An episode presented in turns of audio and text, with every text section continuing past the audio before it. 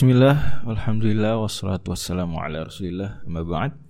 Ini adalah episode yang ke-12 dari serial Gharibu Qiswaril Mufassal Yang kali ini kita akan bahas kata Alaq.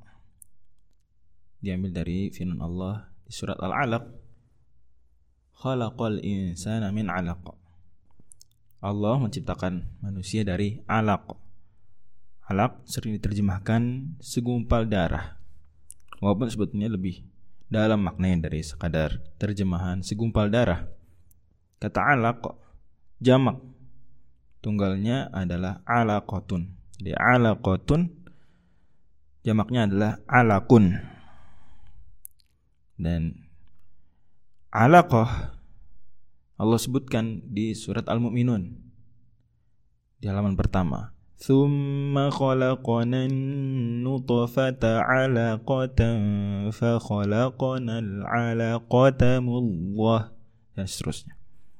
Dimana alaqah ini adalah segumpal darah yang uh, berkumpul ya dan menempel bergelantungan ya darah yang mengumpul menempel dan bergelantungan dalam satu artikel jurnal penelitian dilakukan oleh uh, University tahun 2009 bahwa alaqah dari sisi bahasanya cocok sekali dengan kenyataan dari sisi biologinya, dari sisi, sisi embriologinya.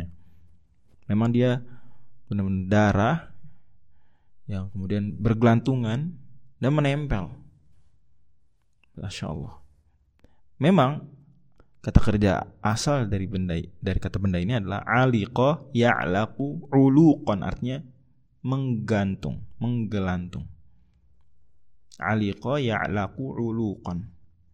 Makanya kita kenal ada ayat di surat An-Nisa ayat 129. Fala tamilu kullal maili fatadhuha kal mu'allaqah.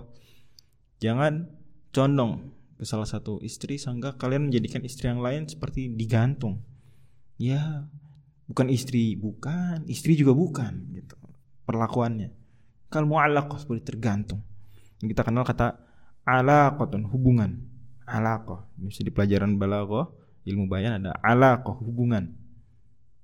Memang makna istiqoqinya sebagaimana kata Imam Faris adalah